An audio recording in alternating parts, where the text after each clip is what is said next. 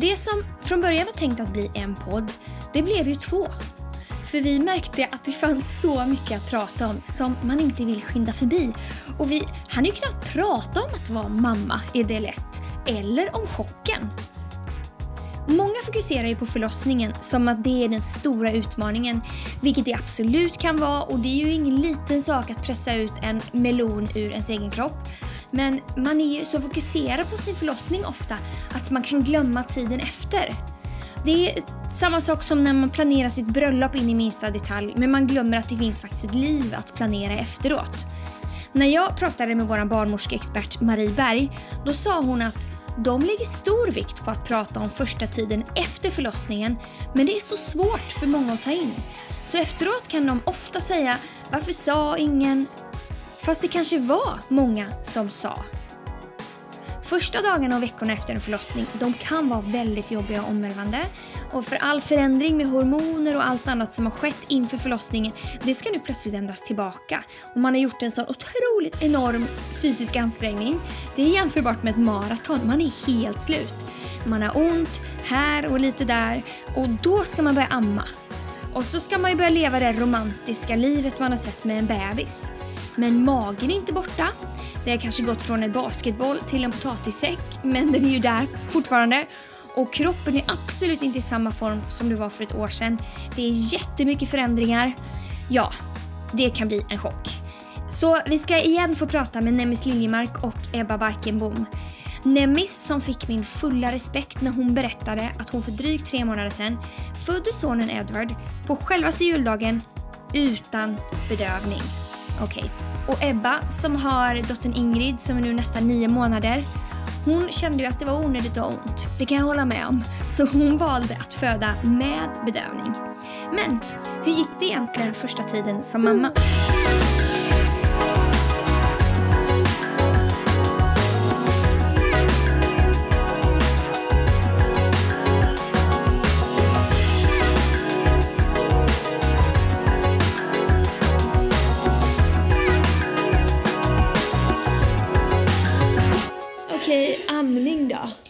Något ni har gillat?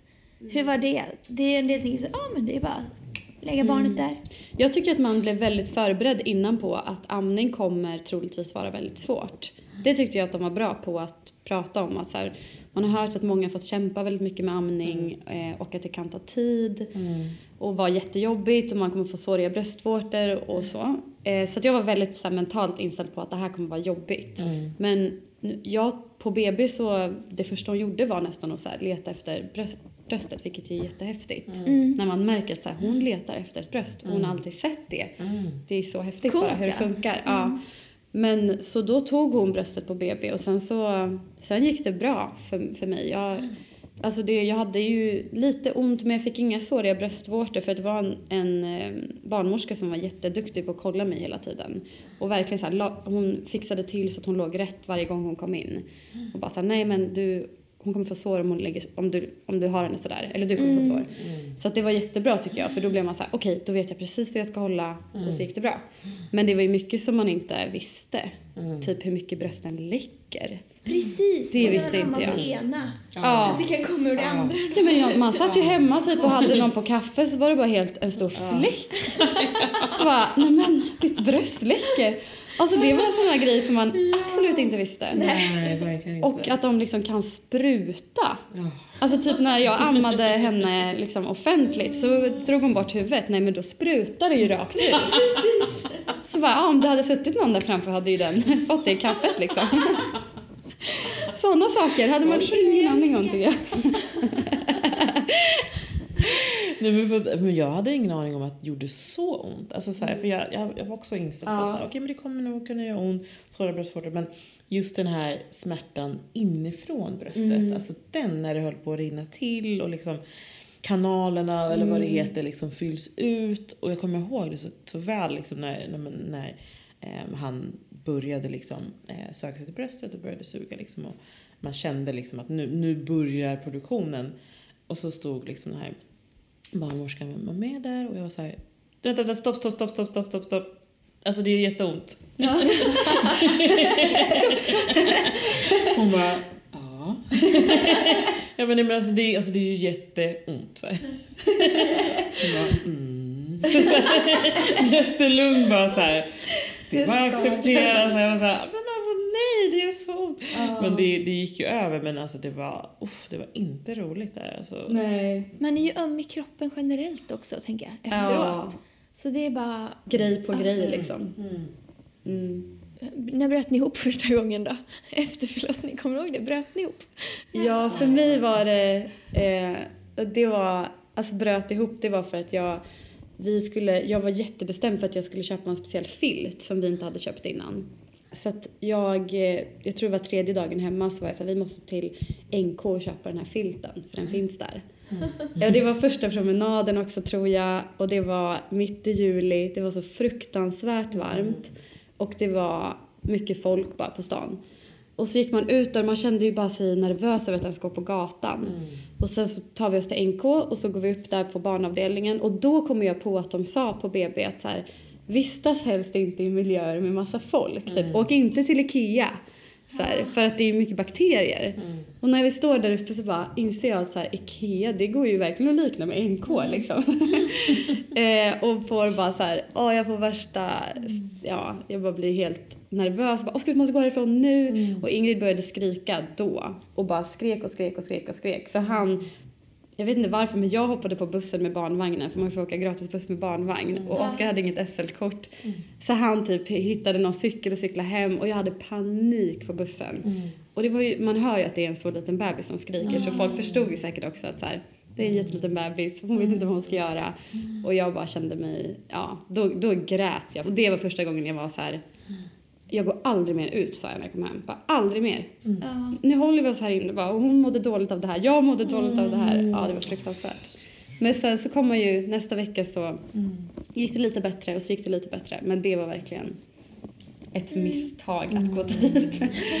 Om man säger så. Köpte ni filten? Ja, det gjorde vi och den var Innan faktiskt världens panik. bästa film. Det var värt. ja, det var värt det. ja. Ja, fy. Nej men alltså det var ju ja, jobbigt att bara ta sig ut, kommer jag ihåg den här första tiden. Att man, som du säger, man var ju så himla... Man, det känns ju som att världen har stannat när man får barn. Man är ju så här i någon bubbla. Ja. Eh, så att, att sen då möta världen med, med sin egen bubbla, det är ju så här, det är en kollision som gör att man bara säger nej. Och sen så börjar man så titta lite skeptiskt på människor, men som du säger bakterier och, och skumma typer. Man, jag, jag kände att jag fick någon form av så här, beskyddande instinkt, Ja. att man bara så här, nej du hostar, jag viker av åt andra hållet. Här. Men jag kommer ihåg, på tal om att bryta, upp, bryta ihop, eh, hade jag en så här åtta timmars amningssekvens som var... Oj, oj, oj. Alltså, Åtta tim- du ammade under åtta timmar? jag ammade under åtta timmar. Eh, och nu i efterhand, det här var så här, någon av de första dagarna när man kom hem där, liksom, när han då skulle lägga in beställningen. Eh, och man hade hört då från, från barnmorskorna att säga, ja men låt honom amma så mycket han bara vill. Han lägger in sin beställning nu. och man var så här, jag orkar inte sitta här längre så här, så, så här trött, öm och bara så här, men man vet inte vad man ska göra. Och då var så här, till slut så var det så här bara, här, lämna över barnet till pappa, nu går jag och lägger mig. Typ. Och så bara, ah, så, så, Ska du vara så här? ja men verkligen ska det vara så här. Är det det här jag ska göra nu åtta timmar liksom? Precis. Ehm, Okej, har ni haft mjölkstockning? Nej, Nej. faktiskt inte. Grattis. Ja. Mm. Man ska ut och amma första gången. Ja. På en offentlig plats. Ja, det känns som att Ja. alla typ kollar och man tycker att så här, kan jag verkligen sitta här och göra det här? Mm, mm. Men eh, sen är man ju olika bekväm. Men typ om man har en filt och Mm. så kan man ju lösa det ganska smidigt. Mm. Jag är ju en sån nu som, alltså jag ammar ju överallt. Mm. Alltså vid middagsbordet om vi sitter och äter middag och så här. Och jag har bara bestämt mig för att jag tänker inte tänka på vad andra tänker. Jag tänker bara tänka på vad jag, hur jag känner. Mm. Känns det obekvämt för mig, ja men då kommer jag inte göra det. Mm. Men nu tar du min mikrofon här. Men känns det bekvämt för mig, då kommer jag inte bry mig om typ vad andra tycker. Mm. Det har jag bara bestämt mig för att släppa. Bemöts ni annorlunda nu när ni är mammor? barnvagnen bemöts ju annorlunda. Positivt eller Eh, negativt? Alltså, Jag tycker att det kan vara lite både och. ja. I vissa fall positivt för att man blir väldigt så här, ja du har vagn och jag ska hjälpa dig bära och Mm. du får komma in den här gången, lite så. Mm. Eh, nu kanske jag tänker på kyrkan också mycket.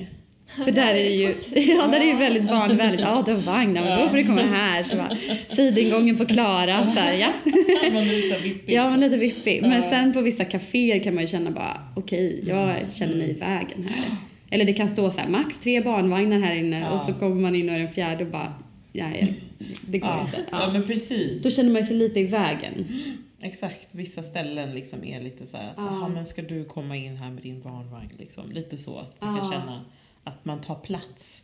Eh, men, men jag tycker ändå generellt sett att folk är, men ändå så här, flyttar på sig, visar respekt kanske för att de inte har något val. Man kommer där. Här kommer jag. men, eh, men däremot tycker jag, alltså på tal om barnvagnar, och, för att man, man behöver ju ta hissen liksom. eh, i tunnelbanan och allt vad man nu är. Och då blir så frustrerad på människor som till synes inte behöver ta hissen. Men ändå tar hissen. Och gärna smiter före en i kön till hissen. Man bara så här, men hallå, då, då vill man komma med sin barnvagn så här. Du, du, du. Preja ut dem Hallå. lite. Ja. Jag tycker också att kvinnor kan se kanske annorlunda på en när de får reda på att man har ett barn. Jag var i ett sammanhang igår eh, och då, de visste inte alls att jag hade barn för Ingrid var inte med mig. Och sen så kom Oskar och hämtade mig och hade Ingrid på armen. så bara, ja är det ditt barn? Så här, är du mamma? Då kände man så här, ah, nu såg de nog mig på ett lite annat sätt. För att de kanske är mammor och de vet vad det innebär Ja. att ha ett barn. Och man, jag kan själv känna så ibland när man går utan Ingrid på stan. Då vill man helst sätta en skylt på sig, typ bara, jag är, jag är mamma. Alltså vet ni vad jag gör om dagarna? bara, jag är en Ja superhjälte. lite som, ja, men man är ju det. Och just, det är lite grann som en klubb. Så här, Ja. lite grann, den Ja. grejen faktiskt nu när du säger att så här, det blir att man kommer in i en så här, gemenskap, ett forum där Mm. man säger ah, okej, var det så för dig? Ja, men Ja. Så här, man kan utbyta erfarenheter. Ja. Och man liksom så här, Och folk vet att så här, ja, du kanske inte sover så bra om nätterna. mm. När man själv har haft barn. Bara, du, det kommer ju med liksom grejer på köpet när man har ett barn som folk blir medvetna om att okej, du har ett barn hemma. Mm. Då finns det troligtvis mycket saker som du går igenom just nu. Ja, större Ja. förståelse. Ja, Respekt. Mm. Men eh, har ni haft mycket humörsvängningar och hormoner och sånt där? Alltså jag kommer ihåg att jag var känslig eh, strax efter, gravid, eller efter förlossningen där. Eh, så att jag kollade på eh, The Crown, den här serien eh, om eh, drottningen av England. Och det är ju liksom en dramaserie. Det, är liksom Mm. ingen, alltså det, är inte, det ska inte vara så, vad ska man säga, så gripande så. Liksom. Det, ja, men det skildrar liksom hennes liv och så. Men, men jag satt ju och grät och bara, vad sorgligt att prins Charles behövde utstå det. och så tänkte jag, men alltså, det här är ju inte mitt normala jag. Jag liksom kände liksom att huden var ut och invänd på något sätt. Att man så här, och allt som har med barn att göra. Liksom Mm. Barn och barn som lider med den här reklamen som gick på TV om Mm. så här, rädda barn och man såg liksom barn Ja, som då svalt. blir man här. helt... Det, det tar på ett annat sätt Ja, tycker jag nu. Mm. Verkligen. Mm. Nej men F, alltså in, under man, när man var gravid så det var ju jobb, alltså man hade väl mycket hormoner och det var ju mycket som hände. Men jag tycker nog att jag nästan mer efter eh, när man har fött barn eh, med liksom ja men amningen, alltså det är så mycket, det känns som att det är så mycket hormoner i kroppen och så mycket som händer med ens kropp som man nästan inte hänger med själv. Och då när det händer någonting som kanske är lite eh, jobbigt som kanske inte egentligen hade varit så jobbigt tidigare, då kan det ta lite hårdare tycker jag. För att man är liksom inte riktigt helt 100% sig själv. Ja. Mm. Har ni varit, haft så här baby blues? Blivit deppiga? Nej, det var också någonting som många pratade mycket om. Att man skulle få det. Men eh, jag tror att jag fick lite av det. Men det var mer att jag blev... Jag grät typ väldigt mycket på tredje dagen så fort jag såg Ingrid. För att jag blev så tacksam. Eller så här, Jag kände bara wow, hon är liksom den största gåvan jag har fått. Och jag bara satt och grät. Fint. För att det var liksom, jag kunde inte ta in det. Men det var inte så mycket för att jag var ledsen. Ehm, nej. Men vissa har, ju, har jag hört får liksom, som sitter i kanske i två Ja. veckor. Eller längre. Men att det faktiskt, ja. Nej, men jag kommer inte heller ihåg att jag liksom fick någon form av blues så, men att just den här känsligheten kommer jag ihåg att jag var liksom så här, ja, men väldigt, väldigt känslig för, för alla typer av intryck liksom så. Ehm, ja, men, både The Crown och explicita liksom innehåll så på, på TV. Man kollar mycket på, på TV nu, som de första tiden när man sitter där och ammar. Liksom, Du hade ju så åtta många- timmar där du kunde Ja, plöja timmar. massa avsnitt. Hela. Precis, i en session. Men däremot var det ju verkligen så här. Det var, det var jobbigt att det var så mörkt kommer jag ihåg för att Edward kom ju eh, på juldagen. Och det var så här, okej, men då är det mörkt när man kliver upp och Ja. mörkt när man går och lägger sig. Det var, jag minns det var så här, fy vad deppigt. Det var, det var ju mysigt också. Mm. Men det var också att man bara så här, ja men just när man skulle ut med barnvagnen och det var snö och slask och hej och så här. Ja, Jag sa det till Anton så här, nästa barn tar vi på sommaren. Alltså Ja. det, det här var inte kul Försöka väder. planera det. Precis. Ja. Ja. Vad tycker ni om att kroppen förändras då? Jag tycker att det är mindre jobbigt än vad jag trodde att det skulle vara. För innan var det en rädsla. Bara, Oj, nu kommer min kropp se annorlunda ut. Jag kommer kanske må dåligt över min kropp. Eh, ja, hur, hur den förändras utseendemässigt och sådär. Men nu känner jag bara att wow, min kropp är ju Mm. det, anledningen till att Ingrid finns. Det är så häftigt att min kropp har åstadkommit det här. Och man får en sån respekt för kroppen att så här, du gick från att vara så här stor till att ja, nu har man lite Alltså man har ju alla möjliga små skavanker efter att ha burit på ett barn i nio månader. Men det är ju så här, vad är det Ja. egentligen? Jag, jag, jag tycker att jag känner att det är, jag har en skönare inställning till kroppen och mer så här, ja min kropp är bra för att den fungerar. Mm. Mer så. Är du vad mer jag- användbar? Du har insett att Ja. den är användbar. Ja. Verkligen användbar.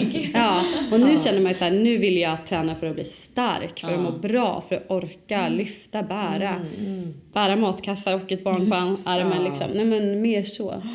Jag håller helt med, verkligen. Att, att just den här insikten om att kroppen har en funktion. Att så Mm. här, den kan faktiskt bära, bära en annan individ, Mm. trycka ut en annan individ, förse en individ med mat. Alltså, och trösta och allt vad den, vad den gör. Men alltså, så här, den respekten liksom, för Mm. kroppen tycker jag har, ja, men den, är så, den är så välkommen. Mm. Så skön. Och just att, så här, som du säger, att, att träna nu för att det ska hålla. Liksom. Att, Mm. så här, men okej, jag ska hålla för det här barnet. Kanske till barn om några år. Mm. Så här, allting som, som kroppen ska vara med om i ens liv. Jag tycker det Verkligen. är härligt. Det är coolt. Eh, vad har ni för relation till gynekologstolen nu efteråt? Är mer avdramatiserad. Alltså, jag känner bara att det är så mycket som har släppt med förlossningen. För att man gick, man gick igenom så mycket bara, men, att någon skulle undersöka ens kropp, att någon annan liksom, ja, Mm. var överallt.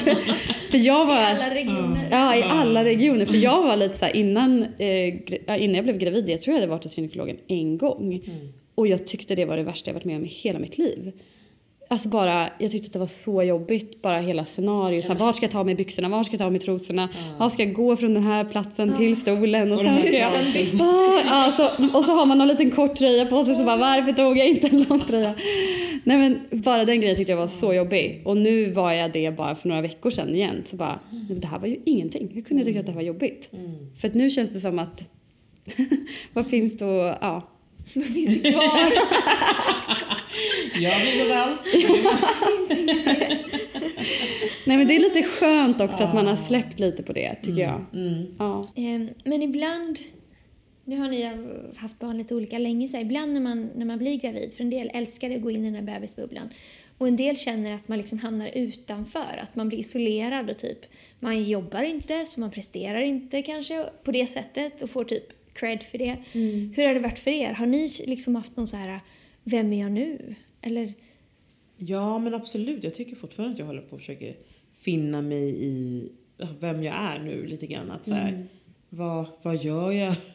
vad gör jag med min tillvaro?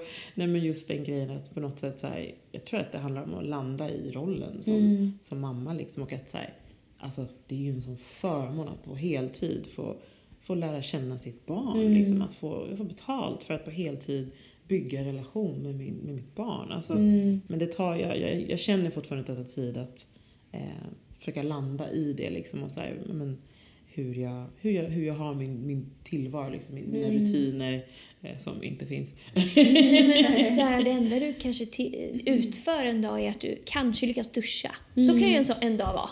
Typ Ja. om det är kaos liksom. Eller, då har man inte presterat så mycket kanske. Eller på det sättet om man är... Man får verkligen släppa på, jag brukar typ göra en lista, om jag klarar av en lista men om jag klarar av en grej idag, då är det jättebra.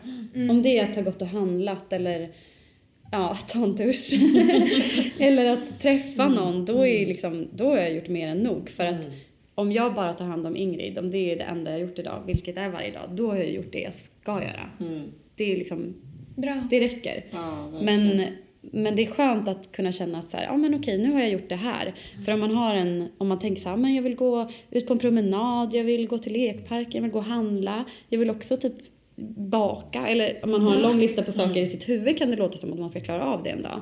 Men det gör man aldrig. Nej. Och då känner man sig lite så här, "Åh, idag blev ju inte så bra idag heller. Eller, men bara man hinner med en grej tycker jag är så här, ja, bra, Ja. då har jag gjort det. Ja men det har jag verkligen fått inse, precis den grejen att så här, sänka ambitionsnivån och bara liksom någonstans, och det är inte bara, för det är det som, som blir grejen att eh, man, kan, man kan tro eller liksom uppleva att så här, "Ah, men nu är jag föräldraledig. Precis. Jag, har, jag ska leva mitt normala liv som jag Ja. gjorde innan jag fick barn men jag har en unge på armen liksom bara typ. Att, att det är liksom lite grann så kan porträtteras att vara föräldraledig fast den, den, den huvudsakliga sysseln är ju faktiskt att ta hand om ett barn. Eh, och allt annat är bonus liksom. Ja, det är verkligen Eh, så att så här, ja. Jag tror att det är en ganska nyttig paus också och ett avbrott från vad man har gjort. Man har kanske jobbat på samma jobb ett tag eller man har liksom haft en rutin och en vardag. Och sen när man får ett barn så bara stannar ju allt upp och man går ju lite in i den här bubblan. Men det tillåter en också lite att så här, okej, vad tycker jag är kul? Vad, Varför gör jag det jag gör? Eh, Man liksom blir tvingad att sluta göra nästan allt man gör. Om det är jobb eller kyrka eller... Sen kan man ju fortsätta på olika sätt men det blir ju ändå ett lite så här, okej, paus. Okej, vad tycker jag är roligt? Varför gör jag det jag gör? Vad vill jag kanske börja göra nu? Och för mig har det varit lite så här, hm, men nu har jag tid hemma, ja men jag kanske ska lära mig att börja sticka. Så tycker jag det var jättekul. ja men så här, kom på lite nya grejer som jag absolut inte hade gjort förut när man var så busy upptagen och kanske hade en mycket mer liksom, ja, ta, ja mer att göra om dagarna. Mm, men nu har man lite, man har ju mycket att göra om dagarna för Mm. att det är de här små stunderna när de sover som man kan ja, Sticka. sticka. Ja. Men det är kul att bara komma på nya grejer och göra. Ja, ja men verkligen jag håller med dig. Det blir som en omkalibrering lite grann tycker jag. Att man bara säger, ja just det, okej. Ja men jaha, då ska vi se. Vad, vad, vad är vi någonstans nu i livet liksom så här. Och jag tror att så här, det kan vara värdefullt att ta den här tiden och någonstans liksom omorientera sig så och, och se vad man, vem man blir. För att barnen förändras ju hela tiden men jag tänker att vi också förändras med dem. Ja. Eh, Eller liksom, vi förändras i vår takt också som, som mammor och som individer. Att, så här, okej, men den, den Emmy som jag var innan jag blev mamma kanske jag aldrig helt och hållet kommer bli. Nu har ni ju bara ett barn, jag bara med citationstecken.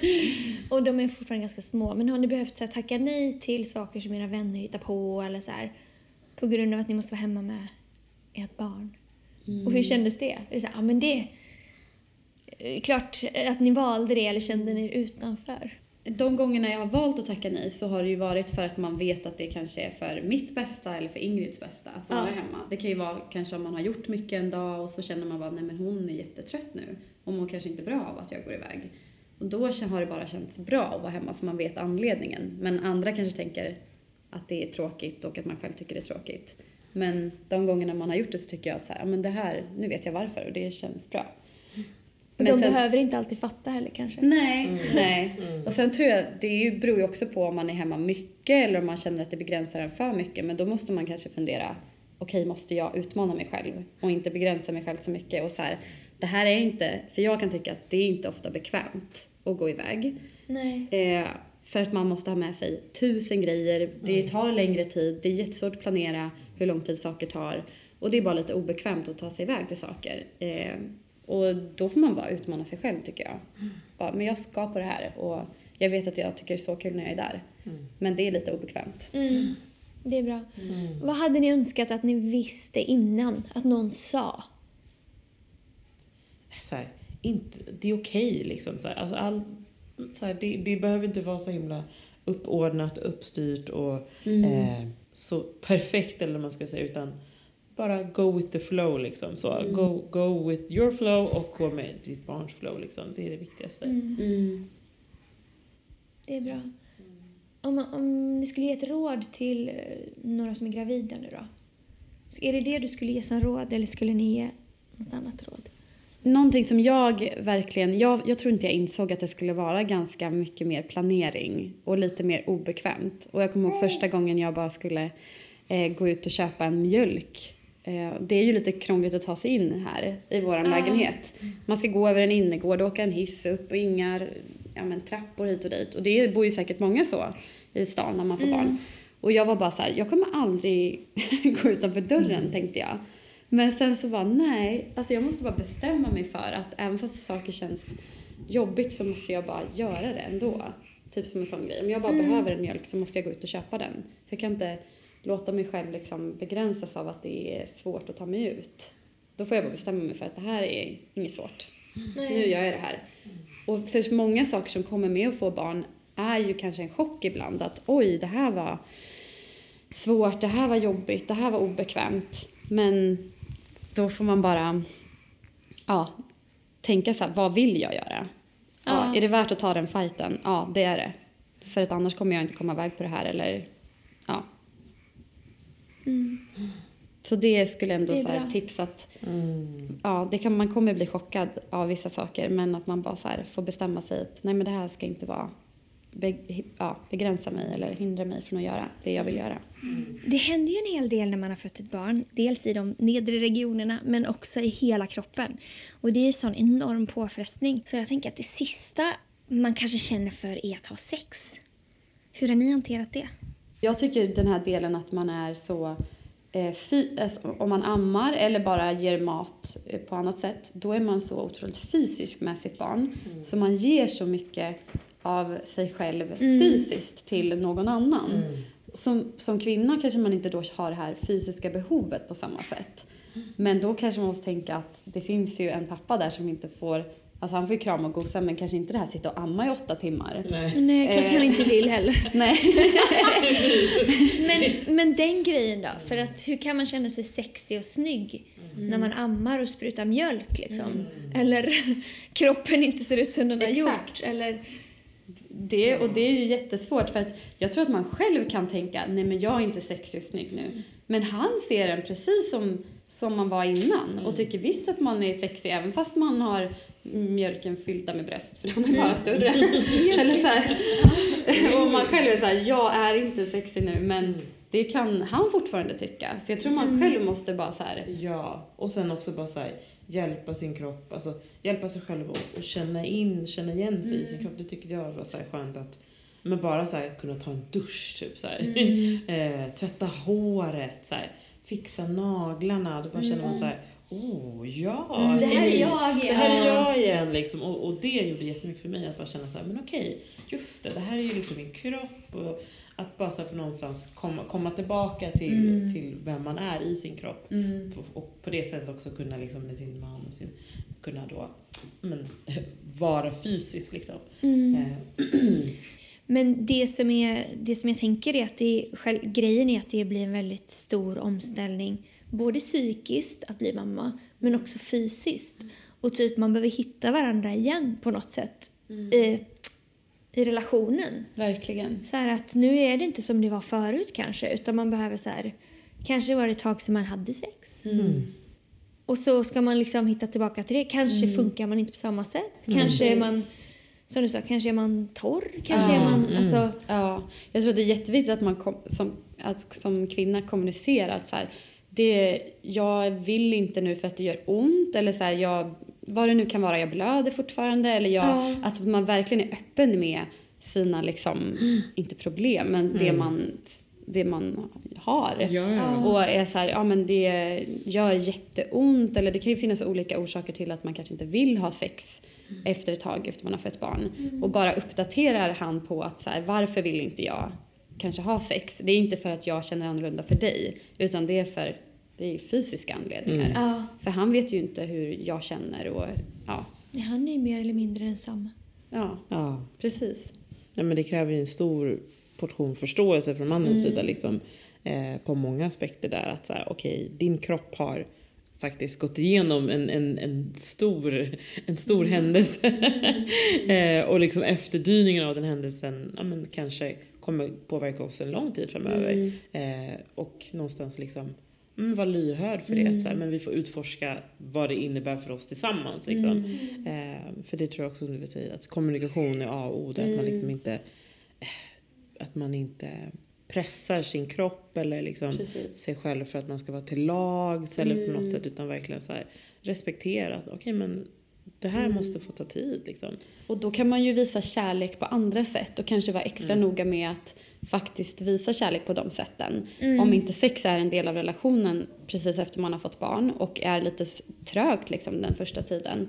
Då kan man ju verkligen försöka tänka sig, men vad uppskattar han att jag gör? Och likadant han med mig. Att man också ser till att ha kanske egen tid om man kan få barnvakt någon gång och bara verkligen ta vara på att så här, vi går iväg och bara äter middag en stund när vi kan hålla oss borta från amning, amning eller vad det nu är och verkligen så här, tar hand om varandra. Det tycker jag har varit så här, en verkligen, men man märker sån skillnad när man bara har gett varandra kärlek på de andra sätten man kan. Ja. Om sex har varit en, liksom, ja, om man inte har kunnat ha det, då har det varit så här, men vi, har, vi älskar varandra och vi visar det på andra sätt. För det gör man ju såklart annars ändå. Men det blir kanske mer påtagligt. Det är, bara, det är fortfarande du och jag. Liksom. Precis. Jag har inte blivit en annan person. Jag är Nej. inte bara mamma nu. Liksom. Nej, eller han är inte precis. bara en pappa. Och att man är man verkligen så här bjussig mot varandra. Att man liksom så här tar hand om varandra, rör om varandra. Liksom. För att det är ju så men det känns som att vi fortfarande lite grann är fortfarande på väg ur den här lilla dimman liksom tre månader senare. Att man, att man så här, men frågar så här, vill du ha kaffe, vill du ha te, kan jag göra någonting för dig, eh, vill du ha en macka? Men så här, vad, vad, vad vill du göra? Liksom hela tiden så här kalibrera av varandra och lyssna av varandra och liksom ge till varandra tror jag är superduper Ja. för relationen i helhet. Verkligen. Och supersvårt också tänker jag när ingen sover om det är så liksom. Och alla, eller båda är ofräscha när det vet jag inte vad det är. Men alltså det kräver ju lite ansträngning. Där tror jag egen tid är väldigt viktigt också. Att eh, unna varandra. Så här, om jag har Ingrid så bara, men gå iväg och gör någonting du. Mm. Och bara vara själv. För det får man ju, blir man ju själv väldigt påfylld av. Och då kan man ju på något sätt vara en bättre Ja. andra person liksom, till den andra. Och likadant om jag får gå iväg bara på en promenad utan Ingrid. Eller gå på stan och kolla lite butiker utan Ingrid. Det kan ju vara så här världens påfyllnad. Och så kommer man hem och bara kan ge så mycket mer för att man fick den där lilla stunden. Så tid för varandra men också egen tid tror jag är jätteviktigt att man verkligen ser till att få. Absolut. Ja, jag håller med. Och, och utnyttja liksom de relationerna man har runt omkring också för avlastning. Jag tycker många, många av våra vänner och vi inklusive har ju inte våra föräldrar här i Stockholm. Eh, man, man liksom hankar sig fram utan det här nätverket kanske som, som man skulle haft om man bodde liksom inom en ja, räckvidds avstånd från, från familj. Och, så att verkligen utnyttja vänner och liksom adopterad Ja. familj Ja. som man har runt omkring. Så, ah, men kan du passa en timme liksom? Och, Ofta vill ju verkligen folk det. Det är ju jättemysigt att gå på en barnvagnspromenad om man aldrig får göra det annars.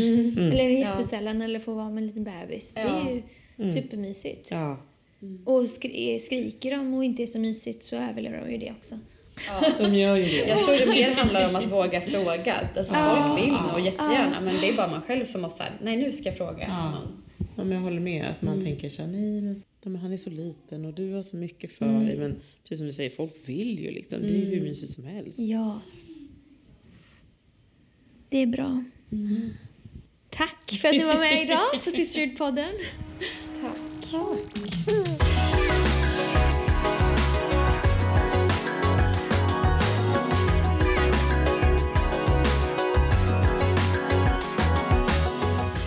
Tyckte att vi fick så otroligt mycket bra svar i förra poddavsnittet. Så vi ska få prata lite grann igen med vår expert inom området, professor och överbarnmorska Marie Berg. Så i mitt samtal med de här två förstagångsmammorna då pratar vi en del om amning. För en del går det jättebra och för en del gör det ont. Men vad kan man förvänta sig? Finns det liksom någonting generellt? Oj, jag tror det är väldigt olika vad man faktiskt har för, för förhållande till sin kropp och sina bröst och så vidare. Jag, jag tror inte det finns en, en sån sanning men eh, för en del är det väldigt naturligt att amma och det är liksom inget konstigt. För andra tror jag att det kan vara ett jättestort hjärnspöke så att säga. Att, att börja amma och ha ett, barn som suger på ens bröst. Mm. Ska man försöka amma? Det handlar om anknytning eh, och trygghet för barnet. Det händer någonting i det samspelet som också är bra för, för mamma, att hon faktiskt får egna hormoner som hjälper kroppen att läka, livmodern att dra ihop sig. Och sen är det ju ehm, att ge barnet bröstmjölk är det absolut bästa näringen man kan ge. Att försöka, men att samtidigt inte känna den här pressen. Att för en del kan det vara väldigt lätt, för andra kan det vara svårt i början då att faktiskt att barnet ska få, få riktiga tag. Inte minst där i början när det är mer svullet. Så kan det ta tid innan man liksom hittar en, ett bra sätt att amma. Men att ge det ett ordentligt försök, sen är det ju alltid till en viss gräns då. Så att man liksom orkar med det. Men att man är beredd på att det kan vara lite bökigt i början för många och det är helt naturligt innan man hittar den, den rutinen i dagliga livet. Ja. När ska man ge upp då, om inte amningen funkar? Eh, Alltså sluta amma helt, Ja. tänker jag då. Inte ge upp för den nej stunden. men om amningen tar så stor plats och är en sån stor börda så att liksom hela vardagen är som en stor kaos, då är det ju inte värt det. Eh, Men exakt när, hur många dagar och så vidare, det är svårt att säga. Utan jag vill vända på det och säga det att, att eh, försök och ta hjälp med råd. Det kan man komma långt med och sen så, så är det ju ingen som säger att du måste amma utan att eh, men, men att veta att det kan ta tid och att det är naturligt och att man är ingen dålig mamma för det. Och att ge det en chans. Och sen är det ju individuellt hur länge man orkar så att säga. Ja. Och hur länge, finns det en rekommendation på hur länge man ska amma? Sen alltså hur gammalt barnet ska bli? Alltså det finns ju de här, om vi också tittar över världen då, amning, så är det ju att man faktiskt kan tänka sex månader. Men amma är ju, vi skiljer också på helamning och delamning. Att amma, det lilla man kan ge, och att känna sig nöjd med det om man behöver ge tillägg om det är så, så är det ju ändå så här att en delamning, att man ändå har kvar amningen, är jättebra och jätteviktig för barnet. Eh, men hur kan man hjälpa pappan att knyta an? Nej men alltså det, det enda inte pappan kan göra det är ju att amma. Allting annat kan ju pappan göra. Och det blir ju också att man hjälps åt och det blir ett sätt att knyta an när det gäller att ta hand om barnet när det är, man ska byta blöjor och kanske ta hand om barnet efter man har ammat. Då kan man behöva vara lite upprätt för att ja, få bort gaser och så här i magen. Det finns ju massa saker som pappan kan göra för att knyta an. Bara ha det nära, sitta hud mot hud. Det är precis lika viktigt om det är pappan eller mamman. Det, det finns ju någonting som folk kallar för så baby blues. Mm. Att man kan vara deppig.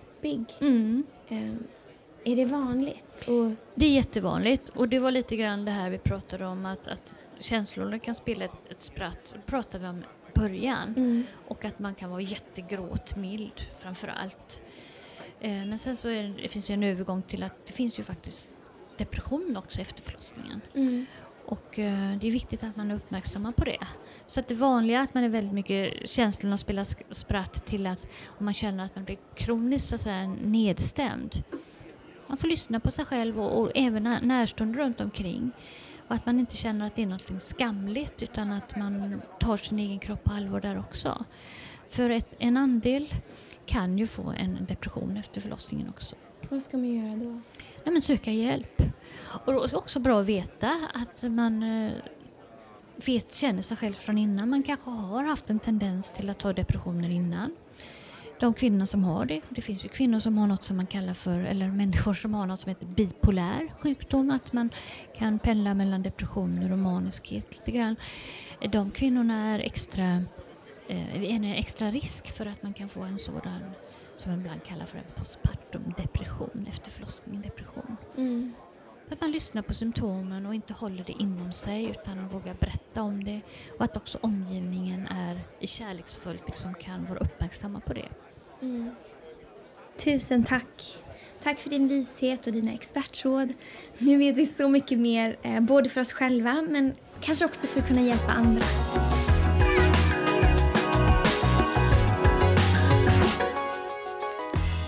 Den där känslan som jag hade som gravid, att bli satt på avbytarbänken, den hade jag faktiskt kvar lite när jag sen var hemma med en liten bebis också. För när jag liksom av naturliga skäl inte kunde vara med på allting på en gång och kroppen absolut inte såg ut på en gång som jag önskade att den skulle göra. Och Det kändes som att världen liksom rusade på utanför. Och här var jag i min bebisbubbla och jag kände mig isolerad. Och ingen av våra vänner hade barn då. Så att det var inte direkt något mammahäng för mig. Förutom en sån här grupp som man blev erbjuden av från vårdcentralen. Ja, men, jag vill inte att ni ska tro att jag inte älskade dotter nummer ett eller dotter nummer två. För jag var nog lika jobbigt fixerad som de flesta föräldrar. Jag älskar dem gränslöst. Jag är så tacksam till Gud för dem. De är världens bästa. Så vackra, så fina, så starka. Ja, ni hör. Det finns inga döttrar bättre än dem. Men det jag kämpade med var vem jag nu var. För jag vill inte vara bara mamma. Jag vill inte ta ett års ledighet och sluta med allt jag gjort. För att det var en sån del av vem jag är, vem jag var som person. Framförallt så ville jag inte att andra skulle ta det beslutet åt mig.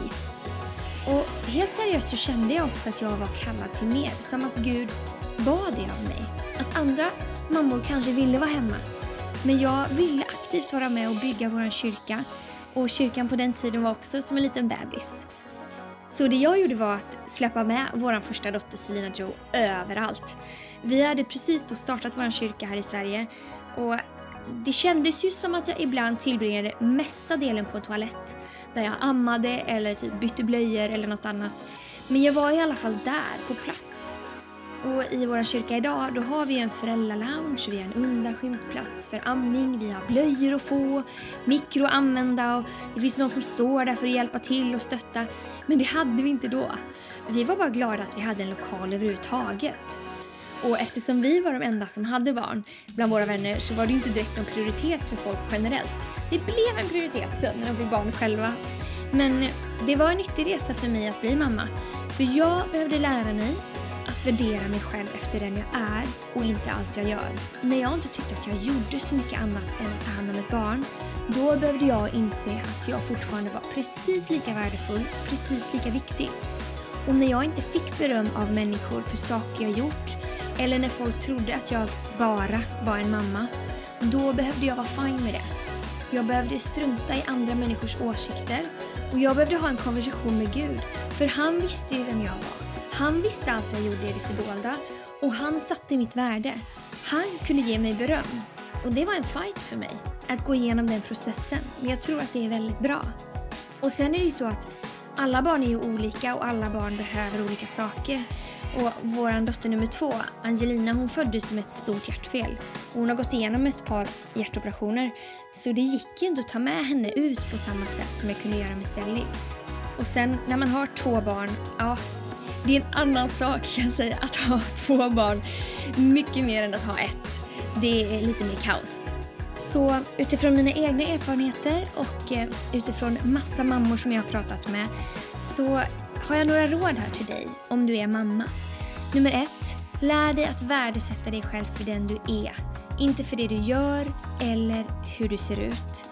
Och det är ju väldigt lätt att säga och kanske svårare att göra men ditt värde sitter inte i vad du gör, vilken fantastisk mamma du är eller vad fantastisk du är på någonting annat. Nummer två. Lär dig att lita på dig själv och på Gud och inte på människors åsikter. Lyssna gärna på experter men försök att ignorera omvärldens press för alla har en åsikt. Så be. Be till Gud om råd, be om kraft, be om hjälp. Be till honom. Nummer tre. Planera. Planera, planera, planera. För väldigt mycket går att göra med en liten bebis, men det kräver planering. Nummer fyra. Ta hjälp. Vi har aldrig bott i samma stad som vår familj, mina föräldrar eller Andreas föräldrar, men vi har adopterat in människor i vårt liv som har hjälpt oss med våra barn. Det finns ett uttryck som säger “It takes a village to raise a child” och jag tror på det 100%. Våga fråga. Det är en välsignelse för andra människor att få vara lite med ditt barn, även om det skriker. Det är bra perspektiv, om inte annat. Nummer fem. Sluta jämföra dig. Vi gör det alla och det är idiotiskt. Om du inte är den där mamman som alltid ser snygg ut och alltid lyckas gå och fika med dina perfekta mammakompisar, då är du helt normal. Kom ihåg att alla mammor, alla människor visar sin bästa dag på sociala medier. Nummer 6. Titta utanför bebisbubblan ibland. Det finns en värld utanför dig själv och din bebis. Din bebis är gullig men inte livsförvandlande. Se någon annan. Orka se någon annan. Kanske är det en annan mamma som behöver uppmuntran eller någon annan i din värld. Använd det du har. Om du är isolerad i din lägenhet av någon anledning, du kan alltid skicka ett uppmuntrande sms. Och du kan använda ditt Instagram absolut till att posta 3000 bilder på ditt barn. Men du kan också använda det till att kanske posta en bild på någon annan. Skriva något uppmuntrande. Se utanför dig själv. Det kommer göra att du mår väldigt bra. Nummer sju. Prioritera relationen med barnets pappa. För du är först och främst någons fru och barnet kom efter det. Så samtidigt som att du absolut behöver ha nåd med dig själv för att du inte ser ut på samma sätt som innan eller har samma energi just nu, se till att han inte hamnar på sista plats hela tiden. Gör vad du kan med det du har och värdesätt mannen i ditt liv. Han älskar dig med dina bristningar eller vad du nu kan ha. Tro mig, investera in i relation med honom. Nummer åtta och sista. Försök njuta av livet. Säsongen är rätt kort ändå. Alla säsonger med barn är kort. Alla säger det, alla gamla tanter. Och jag har upptäckt att så är det. I Bibeln står det i psalm 139 att Gud ser oss när vi är i vår mammas moderliv. Hur häftigt är inte det? Han ser oss varje dag i livet och han har lagt ner så stor potential i varje liten bebis, varje människa. Det är rätt coolt. Men det är också häftigt att det alltid finns mer. Att Gud alltid har mer för oss. Och det jag gillar med att bli mamma är att man tvingas att utvecklas. Man tvingas att lära sig, att mogna, att utmanas och man kan absolut växa i sin tro på Gud och sin relation med honom. För man får ge sig ut på så djupt vatten, på okänt territorium. Och det är bra för oss. För att det tvingar oss att lita på Gud, men det ger oss också förståelse för andra människor och ett perspektiv på saker i livet. Jag älskar det. Så, till sist. Glöm inte att du har en Gud i himlen som ser dig, som tror på dig och att du har ett helt sisterhood som hejar på dig.